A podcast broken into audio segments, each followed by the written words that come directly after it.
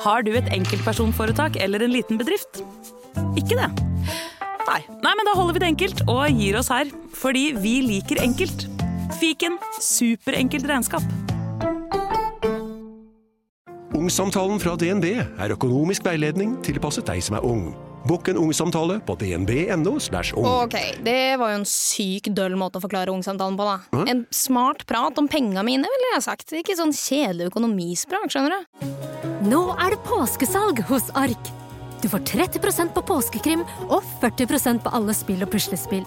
Jeg gjentar Ark har 30% på et stort utvalg krim og 40% på spill. Det er mye påske for pengene. Så hamstre påskekosen i nærmeste Ark-butikk eller på ark.no. Men jeg går jo for at du har sett på de videoene her mange ganger. Ja. Men kjenner du igjen Klarer du å kjenne igjen disse personene? Er det noe kjent på dem? Jeg, altså, han, han ser jo litt lik ut den personen som jeg nå har i huet at, det er, at kan ha gjort dette her, da. Vi skal igjen tilbake til den 11. august. Sammen med Jonas ser Stein Morten og Helge på en av overvåkningsvideoene som Jonas har tatt av de som har gjort hærverk utenfor boligen hans. Hvem er det du mistenker? Nei, det er jo Jonas mener at han drar kjensel på en av personene på videoen. Han synes det er vanskelig å si noe helt sikkert, men det er mye som peker mot at denne personen kan stå bak noen av hærverkene. Han har i hvert, fall, eh, i hvert fall vært veldig glad i å prate om at ting som er kriminelt, eller eh, hvem som har slåss med hvem og sånt noe, da. Sånn som jeg syns er litt kjedelig å stå og høre på på fest. Som det blir liksom Ja. Den 26. september, nesten seks uker etter at Jonas ble funnet drept, blir en ny person pågrepet i saken. Og denne gangen er det nettopp denne personen som vi har hatt i kikkerten helt siden vi møtte Jonas for første gang. Dette er Drapet på Jonas, en podkastserie fra Avhørt. Del sju. Linken til Hønefoss.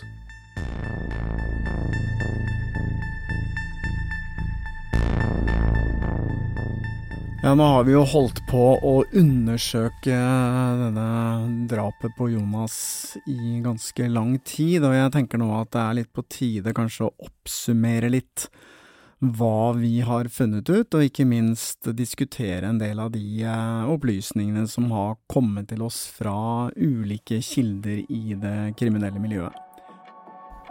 Stein Morten og Helge sitter igjen i studio for å samle trådene fra den siste tidens undersøkelser. Og før vi snakker om den nye pågripelsen som har funnet sted i Hønefoss, skal vi ta oss gjennom det vi har funnet ut siden siste episode. Og jeg har lyst til å gå tilbake igjen til den torsdagen hvor Jonas ble funnet drept. For samme kveld på Rena så var det en hendelse med denne 28-åringen som ble pågrepet først i saken. Ja, det vi har hørt om denne hendelsen er at det skal ha vært noen gutter som gikk langs en vei.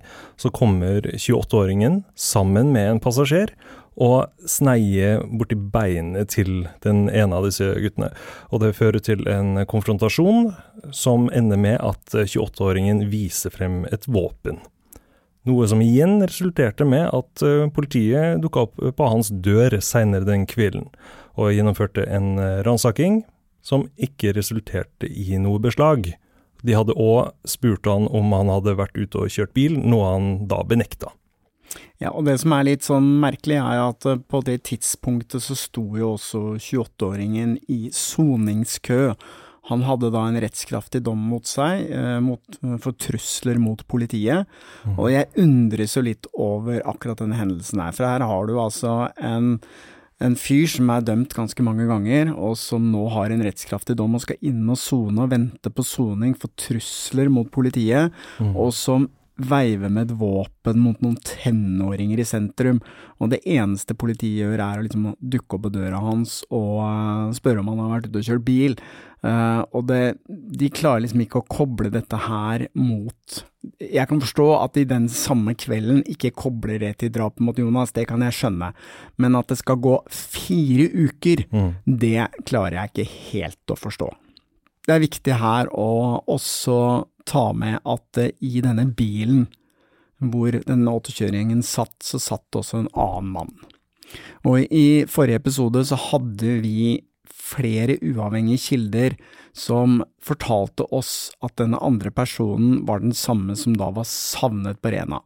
Vi vil jo nå understreke, og det har vi rettet opp, vi rettet opp ganske kjapt etter at vi fikk snakket med politiet, at eh, det er ingen sammenheng mellom denne mannen som da var savnet på Rena, og han som satt i bilen. Der tok vi rett og slett feil, og vi tar kritikk på det, og vi beklager selvfølgelig denne misforståelsen, men jeg vil nok en gang understreke at vi hadde flere uavhengige kilder som hevdet disse tingene, og vi forsøkte faktisk i lang tid, dagen rett før vi publiserte episoden, å få kontakt med politiet, men de hadde ikke tid til å snakke med oss. Da politiet omsider tok kontakt med oss og avkreftet dette, så rettet vi opp umiddelbart i den episoden.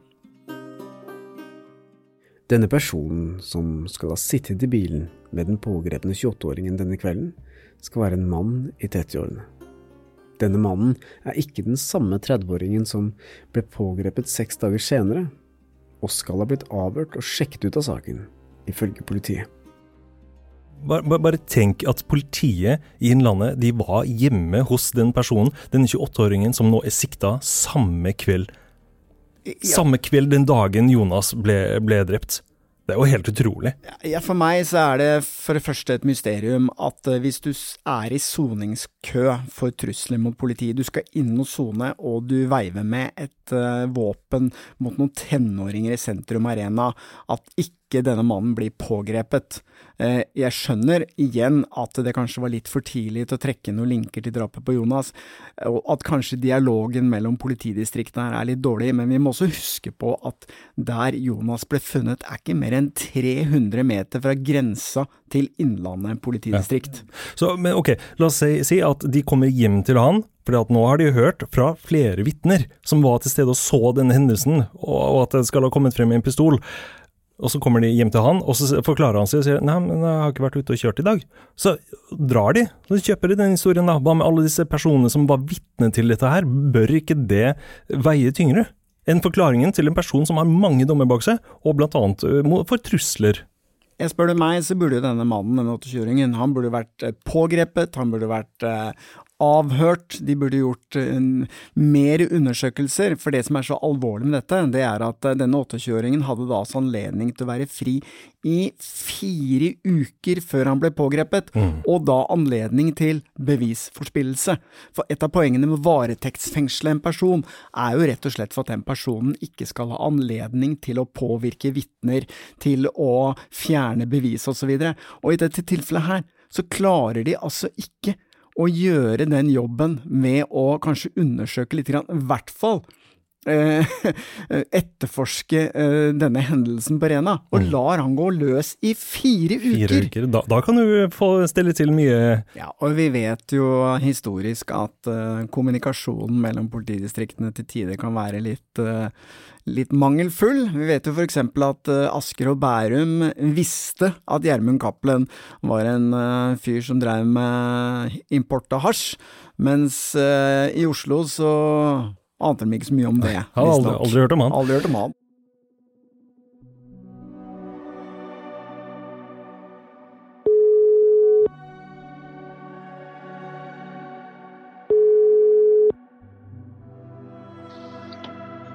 Kostvedt. Hei du, dette er Stein Morten Lier fra podkasten Avhørt. Ja, god dagen du. Stein Morten ringer Odd Skei Kostvedt, politiinspektør i Sør-Øst politidistrikt, for å få svar på noe av det vi lurer på om politiets arbeid med denne saken. Du, Når det gjelder kommunikasjonen mellom Sør-Øst politidistrikt og Innlandet, på, uh, hvordan har det fungert i denne saken? Det fungerer helt, eh, helt greit. Vi har, eh, når det gjelder eh, samarbeid i etterforskning av drapssaken, så, så, det, så, så har, vi, har, vi, samarbeid der. Og vi har også tett kontakt når det gjelder den trusselhendelsen på Rena eh, om kvelden den 17. Men Hva tenker du om at det tok fire uker fra den trusselhendelsen hvor politiet var hjemme hos, oss, den første pågrepne, da, til at han ble pågrepet av dere? Eh, det er taktiske vurderinger. Så vi var kjent med trusselhendelsen kort tid etter at den skjedde.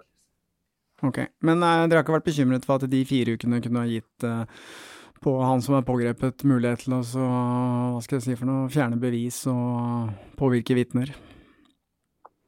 Uh, det er alltid en risiko, men det blir, det blir, taktiske vurderinger på om man skal pågripe så fort grunnlaget er der, eller om man skal ta det på senere mm. tidspunkt. Når ble Innlandet politidistrikt varslet om drapet på Jonas? Mm, den informasjonen har jeg, ikke, har jeg ikke her. Men jeg kan bekrefte det som er sagt fra Innlandet, at eh, den patruljen som var eh, som eh, rykket ut etter den hendelsen på Arena 17 om kvelden, de var ikke kjent med drapet. Det var ikke kjent, var ikke kjent den 17. at dette var et drap. Det ble først avklart, eller det ble kjent og kjent, men det ble i hvert fall avklart seinere, eller i, ja, i løpet av kvelden. Så det var, det var ikke noe det, var okay. ikke noe, det lå ikke noe informasjon hos Innlandet om at uh, den ene her var uh, aktuell i noe drap i det hele tatt. Vi har også forsøkt å komme i kontakt med noen i Innlandet politidistrikt som kan fortelle oss om den aktuelle hendelsen på Rena den 17. august, og ransakingen av den siktedes bosted. Men det er ingen der som har hatt mulighet til å snakke med oss. Ok, Taktiske grunner til at politiet venta med å pågripe denne 28-åringen i Rena, altså. Fire uker med taktikk. Eh, ja, altså nå sier jo politiet at det var av taktiske hensyn, at de var fullstendig klar over disse tingene, og at de ventet med å Det kan jo hende at de har liksom valgt uh, å spane på han og gjøre en kommunikasjonskontroll uh, for å få nok bevis til å varetektsfengsle ham. Men jeg syns fire uker er lang tid, og, mm. og, som jeg har snakket om tidligere, det jo, har jo gitt da han uh, første pågrepne, han 28-åringen, en ganske god tid da, til å eventuelt skjule sporene sine, da. Ja, mm. og det sier de, det var det, noe de var klar over, men at de tok en vurdering. og Satser på at det ikke skjedde. De to mennene som på dette tidspunktet var blitt pågrepet i saken, ble pågrepet i henholdsvis Stor-Elvdal og på Elverum, et lite stykke fra Hønefoss. Og selv om politiet kanskje hadde informasjon som knyttet disse mennene til Hønefoss tidlig i etterforskningen, har det vært mye spekulasjon i mediene rundt hva som knytter dem til Hønefoss og til Jonas. Vi har jo nå eh, siden vi eh, fikk vite navnet på eh, de to som er pågrepet, forsøkt å finne ut hva linken til Hønefoss er. Mm. Og vi har jo mange kilder i dette miljøet som kommer med mange ulike opplysninger, og et, en av opplysningene som jeg syns er interessant, men jeg vil understreke at vi har ikke fått verifisert det. Eh, verken hos politiet eller noen andre, men dette har kommet fra oss i flere kilder, nemlig det at eh, 28-åringen, han skal ha påtatt seg dette som en jobb, altså fått 50 000 kroner for å ta livet av Jonas. Mm. Det er det som blir hevdet. Og så har vi jo også da selvfølgelig eh, tatt en del telefoner i eh, det kriminelle miljøet, særlig her i Oslo, mm. for å høre om denne pågrepne 28-åringen og den andre 30-åringen er noen navn som de kjenner til. Og det vi har fått vite, det er at det ingen har hørt om disse gutta. De er liksom lokale, og de har ikke noe linker, i hvert fall ut ifra alle de vi har snakket med, til noe kriminelt miljø i Oslo. Så oppi hodet mitt så betyr det at dette er to personer som har begått mye kriminalitet oppe, og som har et voldspotensial, som da muligens har fått dette som en jobb, påtatt seg som en jobb, å mm. ta livet av Jonas. Og som vi tidligere har sagt, så har vi også fått mange opplysninger som sier at disse to også har mye narkogjeld. Og Det kan jo ha vært et ekstra motiv for å tjene disse 50 000 kronene. Men det som er interessant med det, det betyr jo at da har jo ikke politiet ennå pågrepet de som hadde et motiv mm. for å drepe Jonas. Det betyr at 28-åringen og 30-åringen de har rett og slett bare påtatt seg en jobb. Og spørsmålet er jo da hvem var det som hadde interesse av å drepe Jonas? Og da må vi jo tilbake til Hønefoss. Slik vi har fortalt tidligere i denne podkastserien, startet det hele for Jonas med tre branner. En bobil, en betongbil og en kranbil ble alle satt i brann. Jonas hadde selv teorier om to personer som han trodde var involvert. Han meldte fram dette til politiet, og de to ble varetektsfengslet i en kort periode. Etter dette startet en serie med trakasseringer og hærverk rettet mot Jonas og hans nærmeste. Jonas blir overfalt av to uidentifiserte personer utenfor boligen til kjæresten i Tønsberg. Mystiske personer lusker utenfor hjemmet om nettene, og noen begynner å tagge Tystre-Jonas rundt om i Hønefoss-området. Det siste som skjedde før Jonas ble drept, var at den betongbilen som hadde fått kallenavnet Hulken, ble utsatt for hærverk. Dette skjedde natt til 4. august, en uke før vi møtte Jonas i Hønefoss. Og det som har kommet frem nå nylig, er jo at de her pågrepne, 28-åringen og 30-åringen, sier at de har vært i Hønefoss i akkurat dette tidsrommet. På en bursdagstur, visstnok. Eller ferietur, Ja, vi har det hørt blitt sagt. Begge deler. Ja. Mm. Hvem drar på ferie til Hønefoss? Det lurer jeg på. Altså, hvis du bor på Rena og tenker at jeg skal dra på en ferietur til Hønefoss, høres jo litt rart ut for meg, da. Altså, hva som er så eksotisk? Jeg håper ikke jeg fornærmer noen nå, men eh, Det er Fossen, da. Det er Fossen eventuelt, ja. Men uh, det er litt sånn merkelig forklaring. Vi tok en ferietur, bursdagstur til Hønefoss, i samme tidsrommet som uh, mange av disse hendelsene da skjedde. Mm. Så er det jo viktig å understreke, og det vil jeg påpeke, at denne 30-åringen har jo sagt seg villig til å snakke med politiet, og han sier at han ikke har noen ting med disse, dette drapet å gjøre, og at han har alibi. Det vil jeg understreke, altså. Ja, så det blir jo veldig interessant å høre hva dette alibiet er, da. Og om de personene som man drar inn som sitt alibi, kan bekrefte det. Og den siktede 28-åringen, bare for å understreke det også, han ønsker ikke å snakke med politiet fordi at han stoler ikke på politiet. Så han har ikke avgitt noen forklaring. Hva, hva tenker du om det? Er det en lur taktikk? Jeg tenker at, øh, og dette blir på generelt grunnlag, ikke i forhold til denne saken, så er i hvert fall min erfaring med at øh, hvis du er skyldig, så får du ofte et råd om å ikke si noen verdens ting.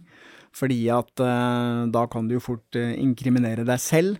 Ja. Så det at du Jeg har litt vanskelig for å tro at du ikke har noen ting med saken hvis du ikke ønsker å si ett ord til politiet. I hvert fall så vet jeg i en rettssak så eh, vil jo ikke akkurat domstolen se med blide øyne på det og tenke at eh, du er helt uskyldig, men du gadd ikke å snakke med politiet. Det, det er ikke helt sånn det fungerer, altså. Men jeg har jo lyst til å nå gå tilbake igjen til der det startet for Jonas, nemlig brannen i denne betongbilen. Eh, vi har jo eh, blitt fortalt av Jonas selv også at uh, dette startet med han vitset om at det var bedre om at denne betongbilen brant opp. Og eh, at det skulle betales 20 000 kroner for det, og at da dagen etter så brant bilen opp. Og så vet vi jo da at det var mye styr for å få tak i de 20 000 kronene. Og ifølge Jonas eh, så skulle de 20 000 kronene betales eh, via denne eh, arbeidsbekjentskapet til en eller annen gærning. Som betaling for jobben. Ja, det, dette gærning, det var det ordene som Jonas brukte. Han brukte vel en gal narkoman. Ja, det var det han sa. Ja, ja. Og så vet vi da at på et eller annet tidspunkt så gikk Jonas til politiet og fortalte alle disse tingene, og betalte tilbake til forsikringsselskapet, og at to personer, altså denne arbeidsbekjentskapet pluss en av sjåførene hans, ble varetektsfengslet i en uke. Ja, det vet vi. Og vi har jo snakket med en av de som ble varetektsfengslet, nemlig denne sjåføren, og han bekrefter jo at han var en såkalt mellommann som skulle skaffe til veie de 20 000 kronene som skulle betales for brannen i bilen. Så hadde ikke jeg sagt til Jonas at jeg har lagt ut 20 000. Jeg sa at jeg skulle ha 20 eller 25 000 eller 20 000 av Jonas. Ok, jeg skjønner. Sindre jobbet som sjåfør for Jonas, og han var en av de to som ble varetektsfengslet for brannene. Han sier selv at han ikke hadde noe med brannene å gjøre, og han er nå opptatt av å finne ut hvem som har drept Jonas. Ja, og det, er liksom, det, og det vet jeg ikke, jeg kan ikke bekrefte det, for jeg vet jo ikke om jeg har gjort det sjøl og vil ha penger. Brukte mye narkotika på, på den tida. Jeg skjønner. Og jeg, og jeg vet jo at har hatt ganske mye narkogjeld på den tida òg, så jeg vet ikke om han gjorde det sjøl for å betale narkogjelda si, eller om han fikk noen til å gjøre det. da. Så, Ja, altså, jeg, jeg tenker ikke Jeg vet at har brent betongbil. ja, ok. Det, det, så, så sikker er jeg på det. Det denne sjåføren òg sa i samtalen, var jo at han legger all skyld for den betongbilbrannen på den andre. Han som Jonas kom med den spøken overfor. Vi har jo forsøkt å komme i kontakt med denne personen, men ikke lykkes. Eh, men jeg tenker at vi kanskje nå skal prøve å ringe til han, fordi at det er jo viktig å få en, nå en avklaring av hva som virkelig skjedde i forhold til brannen i den betongbilen. Om det var slik at han mottok disse 20 000 kronene da, som eh, både Jonas og, og disse andre hevder.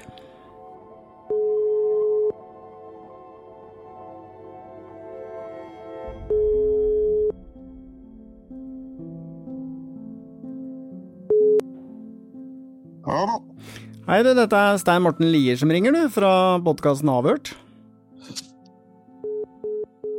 Nei, han ville jo da åpenbart ikke snakke med oss, han bare la på i det jeg presenterte meg. Så eh, ja. Vi sendte han helt i begynnelsen av eh, produksjonen av disse seriene her eh, en henvendelse der han skulle få muligheten til å delta eller kommentere hva som helst, men det svarte han jo ikke på. Så han eh, har ikke vist noe interesse for å delta, og virker ikke som den interessen har økt noe særlig med ukene som har gått heller. Nei, men det er selvfølgelig han er i sin fulle rett til ikke snakke med oss, men eh, da har vi i hvert fall forsøkt, da. Vi vet at politiet har avhørt denne personen tidlig i etterforskningen. Og selv om det er mye som peker mot at denne mannen, som var en Jonas kjente gjennom jobb, hadde noe med brannene å gjøre, betyr ikke dette at han har hatt noen rolle i drapet som skjedde to år etterpå. Men det er flere ting som nå begynner å peke mot at trakasseringene som Jonas opplevde i tiden som ledet fram til den 17. august 2023, har en sammenheng med det som skjedde ved hytta i Nes i Ådal. Har du et enkeltpersonforetak eller en liten bedrift? Da er du sikkert lei av å høre meg snakke om hvor enkelt det er å levere skattemeldingen med fiken, så vi eh, gir oss her. Fordi vi liker enkelt.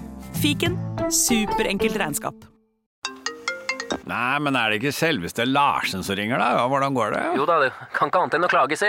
Ja, hva er det du lurer på i dag, da? Nei, eh, eh, jeg bare tenkte på eh, Ja, hva tenkte du på? den fakturaen som har forfalt. Å ja, den ja. Oh, oh, jeg må rett og slett bare ha glemt den fakturaen. Visste du at åtte av ti betaler etter første purring? Ikke vent for lenge. Med Amili, en ny løsning fra Visma, får du alt du trenger for raskere betaling. I én komplett løsning. Se hvordan på amili.no. Vi i Rema 1000 kutter igjen prisene, nå på en mengde påskefavoritter. Du får for eksempel minst 25% priskutt på appelsiner i løsvekt, familiepakning med vaffelmiks fra Toro, 10-pakk Rieger kakao fra Freia og andre påskefavoritter. Alt dette og enda flere priskutt på minst 25 For det er sluttsummen på påskehandelen som teller. Og husk at vi fortsatt har fryst prisen på over 1000 varer. I tidligere episoder så har jo vi eh, diskutert dette her med å gå fra å bedrive hærverk og tagging til å drepe noen som er et veldig langt uh, skritt å ta, da. Mm. Og vi har liksom tenkt at uh, er det, er det sannsynlig? Men etter hvert som uh, vi har undersøkt denne saken og ting har kommet fram fra politiet sin side, så begynner jeg å få en litt sånn følelse av at kanskje det er det allikevel. Mm. Fordi disse to, og særlig da han ene 28-åringen da, som er pågrepet for dette drapet, han er jo ingen profesjonell kriminell, hvis jeg kan bruke det uttrykket. Altså, han er liksom ikke en fyr som liksom, Du leser om at det kommer noen drapsmenn fra utlandet, og alle spor forsvinner, videre. Her har vi en fyr som er dømt en rekke ganger for mindre kriminelle forhold, som åpenbart har et rusproblem, som ifølge våre kilder, som vi ikke har fått bekreftet, har narkotikagjeld, og som i tillegg hvis det er han som står bak dette drapet, da. Han er ikke dømt ennå, han er jo bare siktet. Det må vi understreke. Men noen timer etter et drap begynner å veive med et våpen i gata på Rena. Det bærer jo ikke preg av å være noen profesjonell kriminell. Det bærer jo preg av å være en, en fyr som, eh, som har et rusproblem og et voldspotensial, som har liksom truet politiet mange ganger. Ustabil. En ustabil, rett og slett, ikke Mm. sant? Og da er spørsmålet, de som eventuelt har hyra inn han, da, er det samme Ulla? Mm. Ikke sant? Er det samme type mennesker Hvor- som har rusproblemer, som, eh, som kanskje kan finne på å gjøre noen sånne ting i, i en rusa situasjon, da? Ikke sant? Dette har jo bygd seg opp over lang tid. Åpenbart vært et hat mot Jonas. eh, Masse skadeverk, eh, tyste-Jonas osv. osv. Og de har sett på han som en tyster. Og så har de kanskje, i en rusa tilstand, da, tenkt nei, nå skal vi ta han. Sant? Kjenner du noen? Ja, jeg kjenner han er kanskje vil Skjønner du hva jeg mener? Han skylder meg noen penger. Han skylder meg noen penger. Og at det rett og slett er det som er historien her, det som har skjedd. For det bærer ikke preg av å være en sånn profesjonell handling. Nei. Det gjør ikke det. Det, det er mange teorier ute der om hva som har foregått, og vi har jo også snakket om det her, og kanskje svaret er det aller enkleste.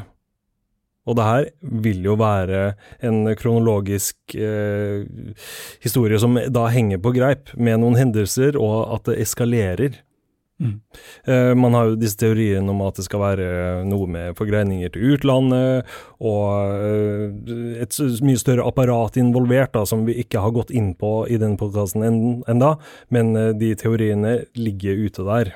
Ja, men jeg har litt problemer med å, å tro på det, fordi at punkt én, hvis du ser på den 28-åringen som er siktet for drapet, så er jo ikke akkurat han noe profesjonell i sånn forstand.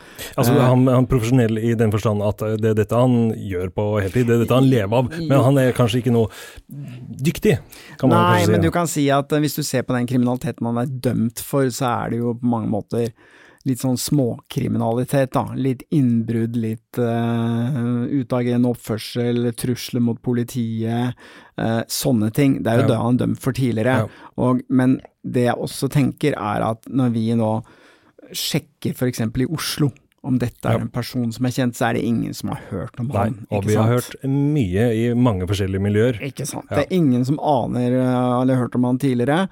Eh, Det også understreker at dette tviler på at dette har forgreininger til noen store kriminelle nettverk. Altså, Nei, det har jeg ikke troa på. Da Altså. hadde kanskje dette sett litt annerledes ut, så da hadde man eh, nok hyra inn på noen som hadde erfaring med dette fra før, kanskje noen fra utlandet. Ja, det, det er i hvert fall det jeg tenker. Og eh, sånn at i det store bildet, i hvert fall der jeg er nå, i forhold til alle de opplysningene vi sitter på, og det som har kommet fram, så framstår det som meg at det er en ganske sannsynlig at dette henger sammen med alle de tingene som skjedde med Jonas. Og hvis det er tilfellet, igjen, som jeg har sagt tidligere, så mener jeg at det er jo en katastrofe for politiet. De har jo overhodet ikke tatt dette på alvor.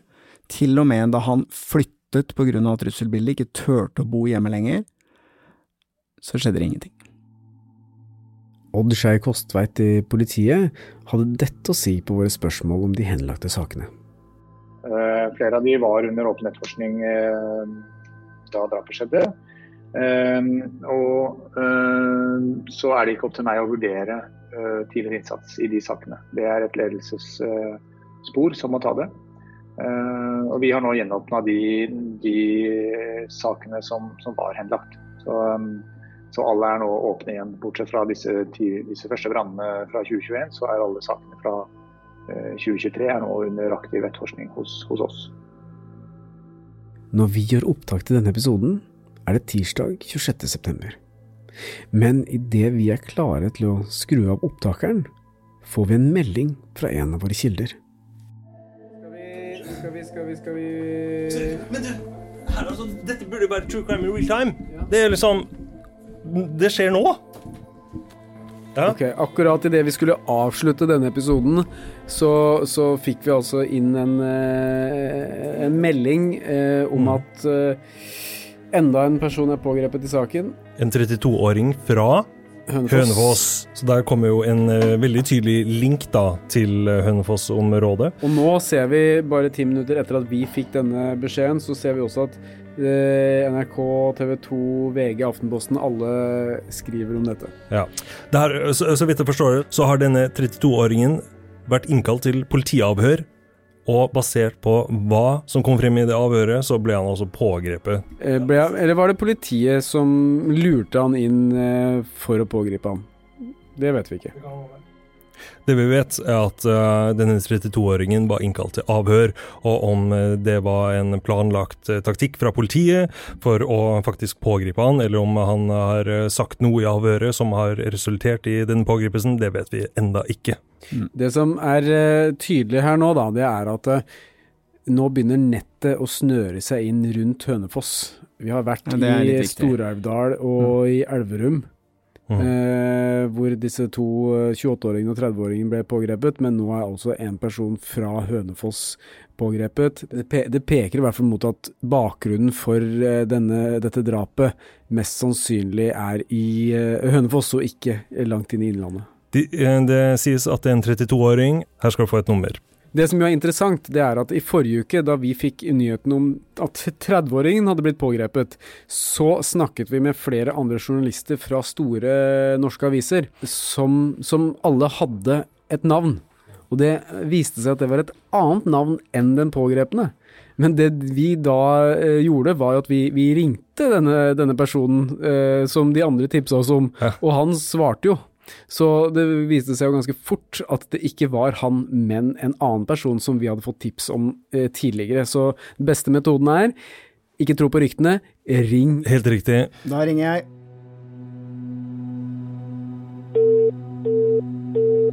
Ja.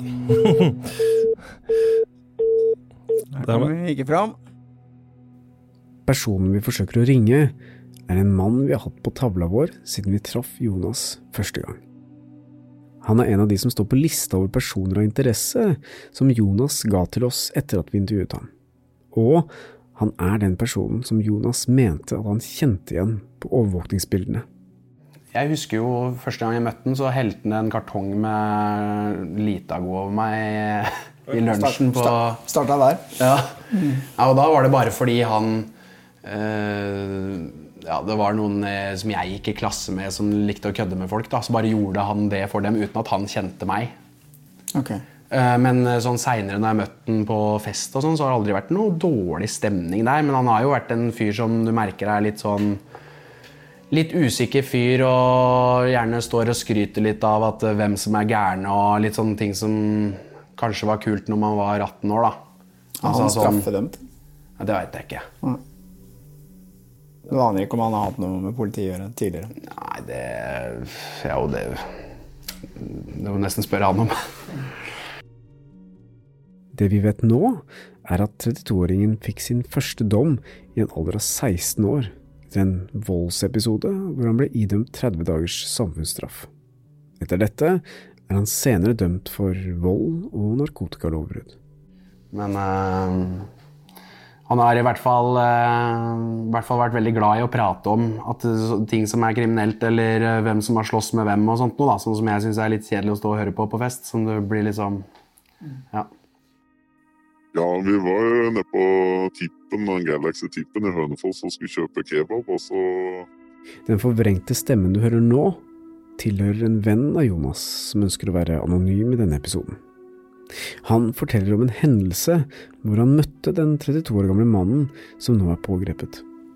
kommer plutselig han eh, så en til inn, og da begynner de å Så da møter de meg, da, og så sier jeg det Eller så prater jeg selvfølgelig med dem, og så sa at jeg var rimelig dust som hadde blitt venn med en sånn idiot som Jonas og greier, og så husker jeg ikke helt akkurat hva praten ble videre, men i hvert fall etter hvert så mener han jo at eh, sånne som Jonas, eller Jonas, da, når han skulle bli hevd i fengsel for den brannen der, så skulle han få han uh, voldtatt og banka i fengsel, for han kjente så mye gærne folk. og Hvis han noen gang kom til å møte på Jonas sjøl, så visste han ikke helt hva han kom til å gjøre. Motivasjonen for dette skal ha vært at Jonas hadde ødelagt livet til mannen han utpekte som den som sto bak brannene. Hva, hva, hva tenkte du da du hørte det her, da? Egentlig så tok man det ikke så tungt. Vi kjenner han jo sånn fra før. Jeg hører jo Jonas har prata med dere om det nå. Han er jo en sånn Kall det en taper, liksom, som bare tror han er jævla tøff. Mm. Så du tror egentlig aldri noe på det han sier, for han er jo bare en ja, sånn litt, uh, litt dust sånn. Går rundt og prater om alle som han skal banke, og han har banka, og hvor hard han er. Men så kommer det til stykket, så gjør det jo ingenting. Tror du at han har det i seg? Å skulle stå bak noe sånn som det er? Eh, ja, det vil jeg nesten tro. At han har det i seg med å få andre til å gjøre det, liksom. Mm. Men at han sjøl skulle gått opp og gjort det, det, det veit jeg ikke. Han blir jo litt usikker nå, da. Idet vi fikk eh, vite at Jonas eh, var blitt drept, og jeg måtte reise vekk og var egentlig off the grid, så gjorde du en kjempejobb, Helge, med å ettergå veldig mange av disse som Jonas hadde fortalt oss om. Mm. Og den ene personen som har stått øverst på lista di fra dag én, er jo nå pågrepet av politiet. Hva vet du om han egentlig? Um, jeg hadde jo en uh, heftig ringerunde i etterkant av uh, at Jonas ble funnet, og en av de som er ganske til starten på denne notisboka mi for å finne den personen som jeg prater med, som har hatt en relasjon til denne karen som nå er pågrepet, den 32-åringen. Og denne personen har altså møtt 32-åringen på fest, blant annet, og beskriver en, en kar som eh, har en lang historikk med rus lang historikk med våpen, glad i våpen, glad i å snakke om våpen, glad i å vise frem våpen. Det blir sagt at han gikk med en pistol i linningen.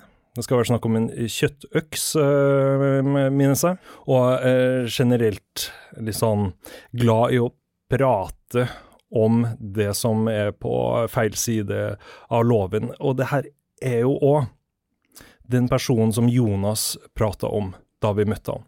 Men er det ikke også den personen som hadde en tilknytning til uh, denne bilen som ble observert i forhold til all tagginga av Tyster-Jonas i Hønefoss? Helt riktig. Den personen som nå er pågrepet, denne 32-åringen, han er den som disponerte den hvite Golfen som ble tatt bilde av i forbindelse med en Tegger-episode. Da var det en sjåfør som kjørte bilen, og så var det to karer som hoppa ut og tagga Tyster Jonas og det andre som har blitt sensurert uh, fra mediene.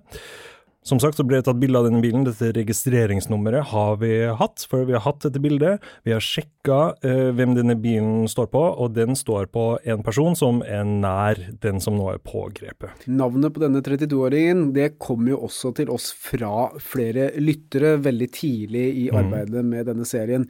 Vi hadde fått til Eller Jonas hadde jo pekt på dette navnet eh, under intervjuet vårt med han, men det kom fra flere uavhengige kilder eh, underveis i arbeidet også, og det vi fikk vite var jo at denne personen forsvant jo fra Facebook, Mm. egentlig, eh, rett etter drapet, men dukka opp igjen med forskjellige alias på, på Facebook. Men eh, det er veldig lite å finne om denne, denne personen, men vi har fått en del informasjon fra de som kjenner eller kjenner til han, da. Det, det som er interessant, som jeg også har notert ned eh, i, fra en samtale med en av de som kjenner den som nå er pågrepet, er at han skal ha snakka om noen turer til Tønsberg.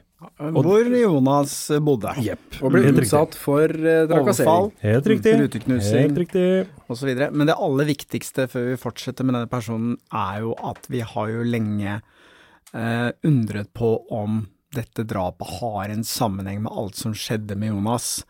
Og jeg tenker jo nå at vi, om ikke konkludere, så kan vi i hvert fall helle veldig i den retningen nå, med den nye pågripelsen, at det er en sammenheng mellom alt det som skjedde med Jonas, og det at han ble drept.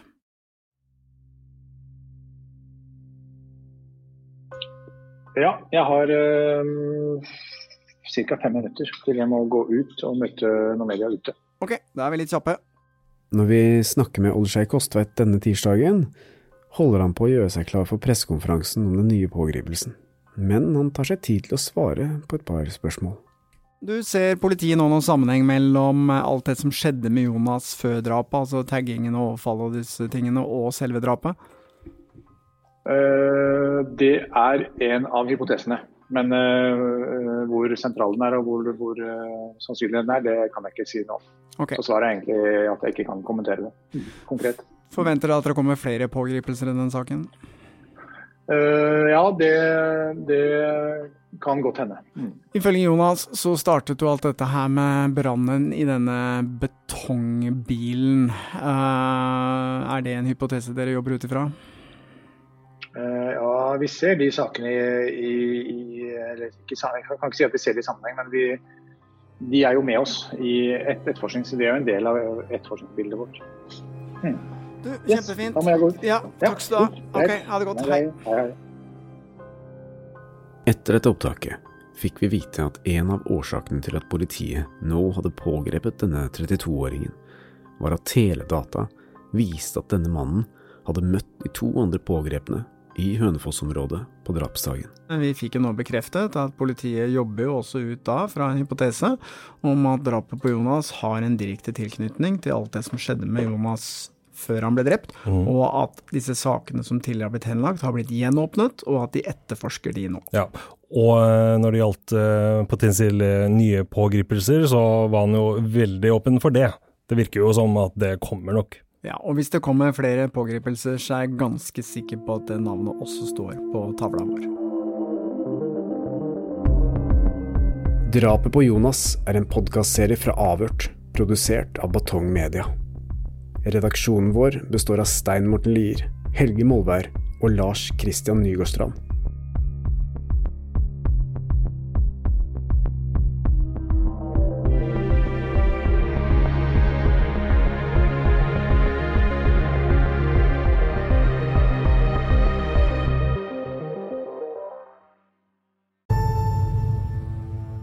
I disse dager er vi også ute med vår helt nye podkast Grenseløs med Stein Morten Lier og Jonny Haglund. Jeg heter Jonny Haglund og har i 30 år reist verden rundt til steder du antakelig aldri har vært. Så er det folk vet du, i det fjerne. Jeg ser det brenner inn i jungelen her. sånn røyk. Det har vært varmt, vått, skummelt, kaldt, slitsomt og til tider svært krevende. Men mest av alt har det vært fantastisk natur. Herlig våkne om morgenen i jungelen. Masse lyder. Og utrolige menneskemøter. But he has given the, the dead body to his family for eating. Nå deler jeg noen av mine opplevelser i podkasten Grenseløs. Oi, oi, oi, Grenseløs kan du høre helt gratis alle steder hvor du finner podkaster. Velkommen til Kjemperådet! Vi har fått inn et kjempekleint problem fra Trine Lure 22. Ok. Jeg leser. De to andre i kollektivet mitt har begynt å date, og jeg syns det er veldig kleint når vi skal se på TV sammen, og de bare skal kline. Ok, ja, Hvordan skal hun løse dette? Siden Trine Lure er under 30, får hun jo ubegrenset data fra Telenor fra 399 kroner. Da Da kan hun sette seg på sitt eget rom, streame så mye hun vil på mobilen. Ja, hun kan jo se på nye mobilabonnement på telenor.no. Ja, det er lurt.